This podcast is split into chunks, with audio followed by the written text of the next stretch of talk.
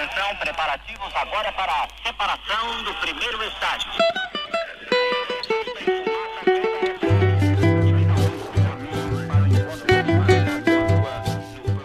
Abrimos a nosa guía do CEO cos nosos estreleiros, Martín Pauli e a Irene Vaspino. Hola, boas tardes. Hola, moi boas tardes. Me sinto só, tão só, tão só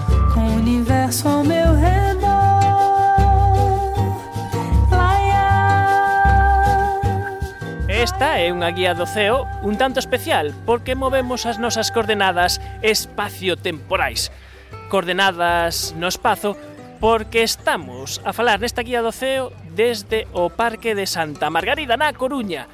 Estamos xusto carón da Biblioteca dos Museos Científicos Coruñeses, que é moi facilmente identificable porque hai unha escultura que é unha gran esfera de pedra que se pode mover, que se pode mover porque pola súa superficie corre unha corrente de auga e moitos nenos pois achegan a xogar como está pasando agora nestes momentos.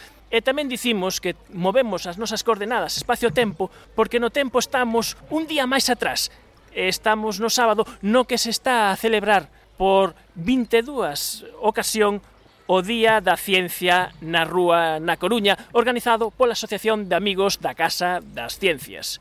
E desde aquí capturamos os nosos treleiros que, como andan moi atarefados, pois os capturamos en acción. En acción porque estades no posto da agrupación astronómica IO eh, facendo divulgación astronómica. Eh, sí, xa é unha tradición dende hai unha pila de edicións, realmente non recordo desde cando empezamos a, a participar e, e sempre facemos un pouco as mesmas cousas, non? Contar o que facemos, e temos unha serie de hits xa eh, da, da, da agrupación, como é o astronauta, para que a xente se poida sacar fotos con ese astronauta americano eh, sobre a Lúa. Hoxe estamos tamén facendo moitas eh, chapas para que os nenos veñan a, a debuxar os seus ceos, eh, leven unha chapa personalizada para a súa casa. Temos a exposición de contaminación luminosa, que é un dos eh, asuntos nos que levamos traballado máis intensamente nos últimos tempos eh, e realmente estaremos, bueno, estamos aquí todo o día, ata 7 da tarde, estaremos atendendo a xente que nos veña a visitar.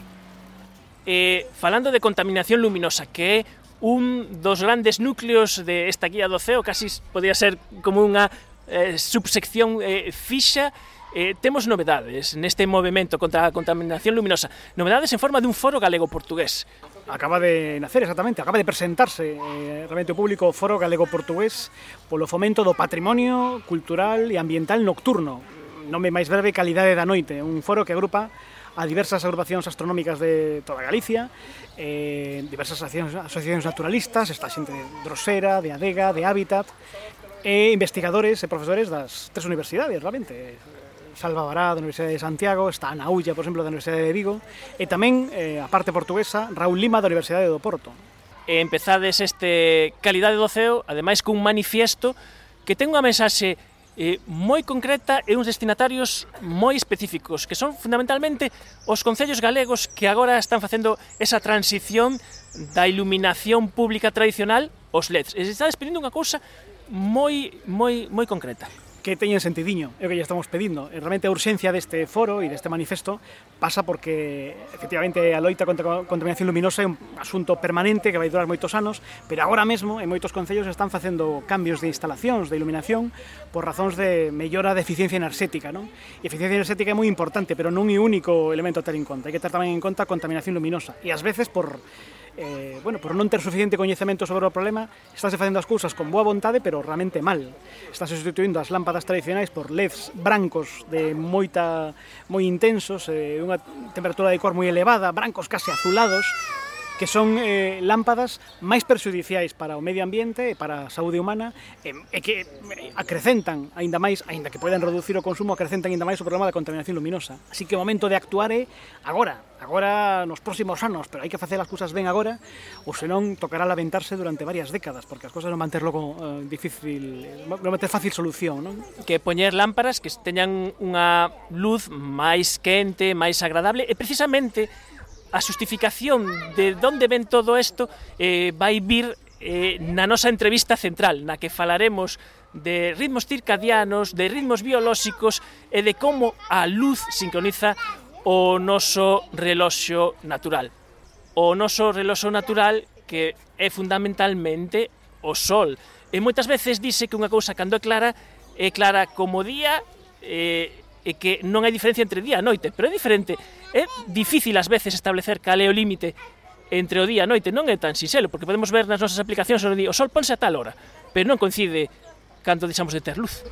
Non, efectivamente, non porque hai distintos eh, crepúsculos, se produce toda unha transición desde que temos eh, pleno día, non unha vez que se pon o sol hasta que temos oscuridade completa, pois pasa todo un tempo, non? Son os distintos crepúsculos, non? O cre eh, hai un primeiro eh, crepúsculo, xa falamos del aquí máis veces, non? Hai un primeiro crepúsculo que sería o, o crepúsculo civil, que é cando o sol unha vez que se pon, está solamente eh, 6 grados por debaixo do, do horizonte, non?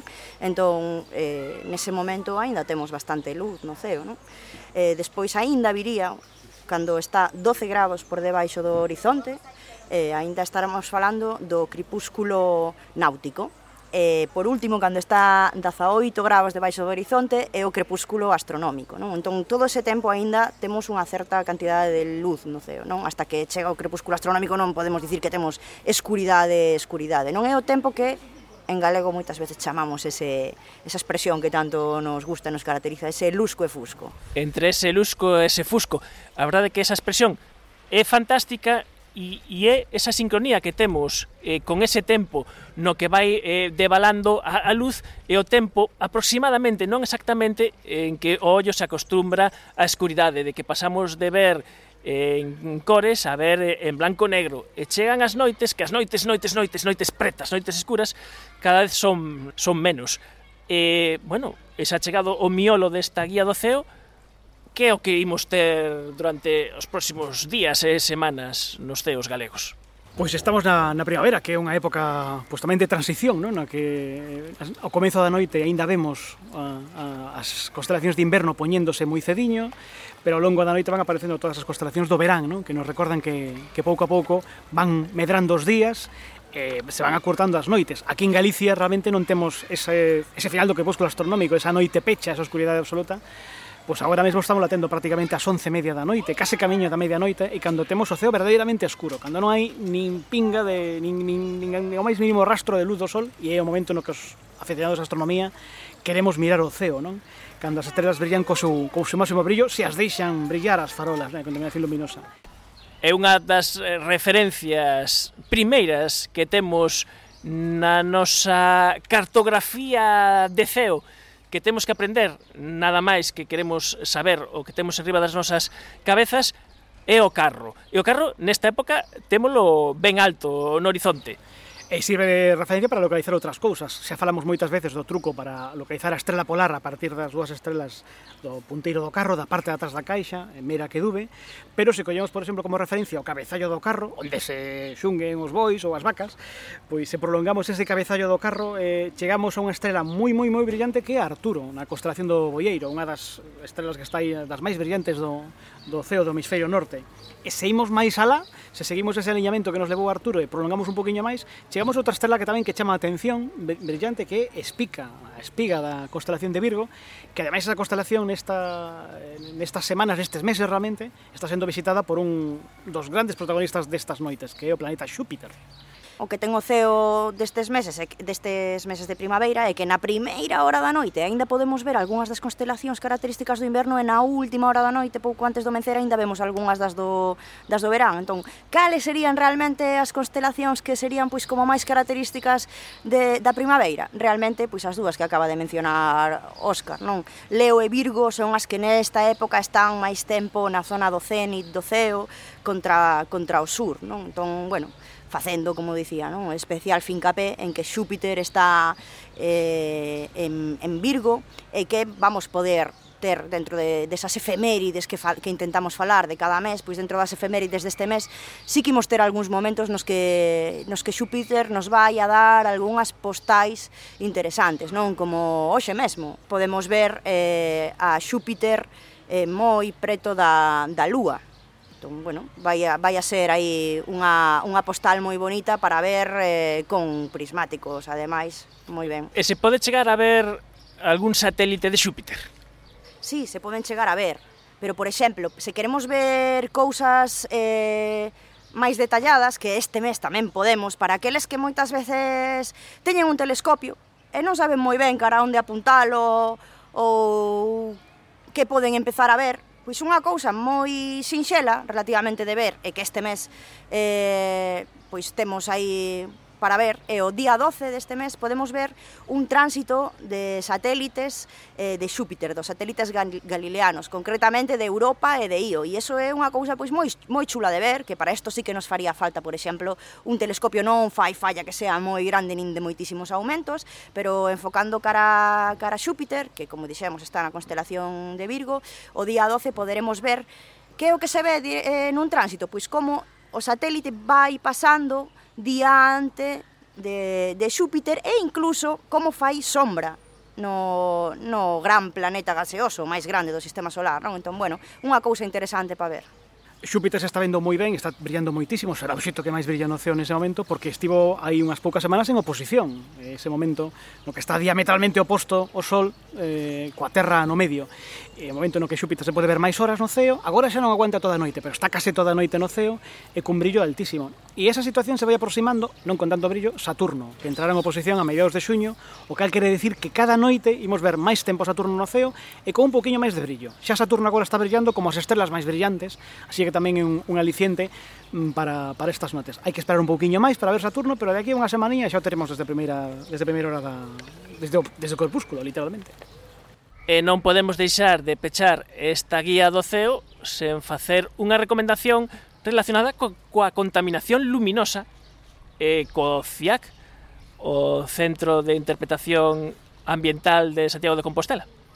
Pois sí, efectivamente, eh, este mes imos ter ali a exposición da que falábamos antes, non que, que está hoxe aquí no Día da Ciencia na Rúa. Bueno, pois ao longo do mes de maio imola ter no, no CIAC en Santiago, eh, o CIAC que se atopa ao final do Parque de Belvise, que é un centro de interpretación pois no que se fala un pouquiño eh, do medio ambiente, e a vida na cidade, non? Eh, no entorno urbano, como, como interactúan esas dúas cousas, non? Entón, bueno, nos parecía moi interesante, eh, neste centro falanse pois, de distintos tipos de, de contaminación, que, de, do tipo de vida na cidade, como lle afecta ao medio ambiente, entón, bueno, temos ali un pequeno módulo que fanta, fala de contaminación luminosa, e procuramos facer pois actividades en torno a estes temas que podan resultar interesantes, Se nos apetecía moito xa dende hai tempo, pois adicar un mes a contaminación luminosa, por iso este mes imos ter a, a exposición da agrupación IO, é un evento especial que vai vai a ser este vindeiro sábado 13, eh, un pequeno obradoiro para cativos e cativas polas mañán ás 12, eh, que chamaremos peque, chamamos pequenos astrónomos, para que aínda quedan algunhas plazas,